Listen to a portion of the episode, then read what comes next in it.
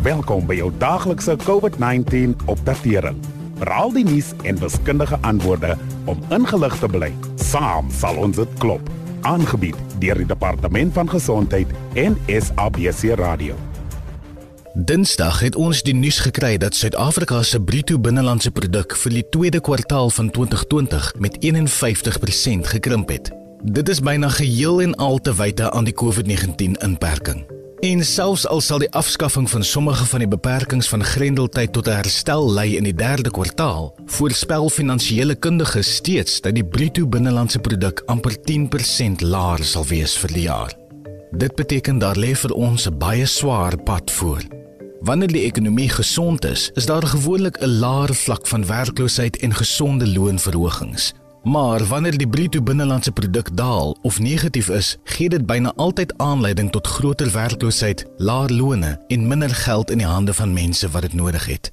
Omdat die regering daarvan bewus is dat die grendeltyd steeds 'n groot effek het op baie mense se vermoë om 'n bestaan te kan maak, het hulle die week aangekondig dat hulle weer die eistydperk vir die COVID-19 tydelike werkgewer-verligtingskema verleng tot 15 September 2020.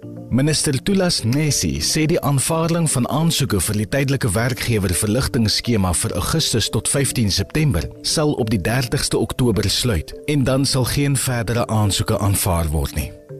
Vir talle persone was nie eens hierdie ekstra inkomste genoeg om hulle deur die grendeltyd te help nie. In baie buurte was mense afhanklik van organisasies, vrywilligers en ander lede van die gemeenskap om hulle te help oorleef. Vandag gesels ons met ons gas oor hoe gemeenskappe in solidariteit saamgestaan het om mekaar te ondersteun. En om seker te maak jy het al die besonderhede oor die nuwe verlengde datums vir aansoeke vir die werkloosheidsversekeringsfonds en tydelike werkgewer verligtingskema, besoek asseblief die Sikaba iCovid-19 Facebook bladsy wanneer vandag se insetsel verby is. Vanaand gesels ons met Sharon Kamata, administrateur van Guguletu Can en ook iemand wat in Guguletu gebore en getoe is. Sharon, ons is almal op soveel maniere deur COVID-19 geraak. Hoe ervaar jy dit persoonlik? Voor COVID-19 het ek teen 5:30 opgestaan om myself gereed te kry om kinders op te tel om skool toe te neem, waar ek sewe kinders in die fondasiefase van graad 1 tot 3 klasse gee het asoowel natuurskeikunde vir minstens 15 leerders van graad 4 tot 9 klas gegee het. Die fondasiefase was in hulle eie klas, net soos intermediair en die seniorfase het hulle eie klasse gehad. Nou om my gesindheid te behou, help ek uit by Guguletu Can. Voorheen het ons elke tweede of derde maand ons vriende in Grabouw en Hermanus gaan besoek. Maar sedert COVID-19 het ons opgehou om hulle te besoek. Ons gemeenskap in Koks sien nie die COVID-19 virus as iets dodeliks nie. Vanaf April gaan hulle met hulle daaglikse lewe aan asof daar niks fout is nie. Ons hoor dat gemeenskappe werklik saamgestaan het om mekaar te help en uh, dat daar 'n goeie gevoel van solidariteit is met heelwat betrokkenheid deur vrywilligers. Vertel ons bietjie wat in jou gemeenskap aangaan. Ek woon in Guguletu waar daar 16 sopkombuise is. Vier daarvan voer ontbyt en middagete van maandag tot vrydag en een tot saterdag. Plus minus 80 bejaarders se ontbyt en middagete word vir hulle afgelewer en hulle is baie baie dankbaar daarvoor. Guguletu Urban Farmers Initiative of Goofy is gevestig waar daar sover 5 groentetuine by huise begin was vyf gestigte groentetuine opgekikker was, drie gemeenskaptuine groente geplant is en een skooltuin, Lehlohonole Primêre Skool waar daar ook groente geplant is. Watter spesifieke ervarings het jy gehad of watter lesse het jy oor jou gemeenskap geleer deur met mekaar saam te werk? Die impak van COVID-19 op my gemeenskap het my geleer dat ek 'n verskil kan maak. Maar deur saam te werk kan ons soveel meer doen. Ons kan mekaar help om bejaarders te help om hulle huise skoon te maak, hulle wasgoed te was en om vir hulle geselskap te hou. Hulle was gewoond om elke dag na die CPO toe te gaan waar hulle met mekaar geselskap gehou het en grappe met mekaar gedeel het. As 'n span werk ons saam in die sopkombuise waar ons seker maak dat die 1,5 meter afstand behou word Aangesien baie angstig is om kos te kry, vergeet hulle dat hulle van mekaar moes moet wegbly en om hul maskers te dra. So voordat hulle 'n middagete kry, maak ons seker dat hulle hul maskers aan het en dat hulle die ontsmettingsmiddels goed gebruik het. Sharon, as jy kon, wat sou jy graag vir ons leiers wou sê wat jou gemeenskap daadwerklik op hierdie oomblik sou help?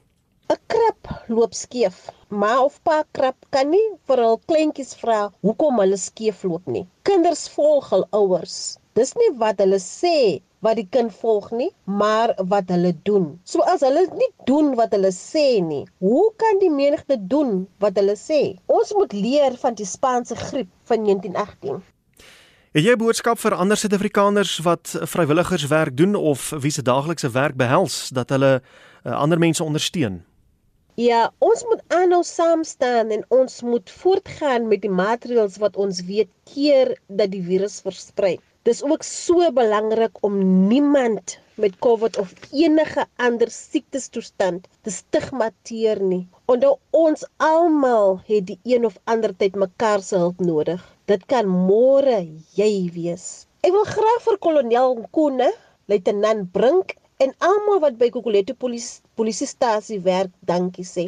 Kolonel Nkune is altyd byderhand as ons 'n probleem het om gou mannekrag te stuur waar dit nodig is. Ons kan maar sê dat luitenant Brink nou deel is van Gogo se kospotte aangesien hy altyd daar is.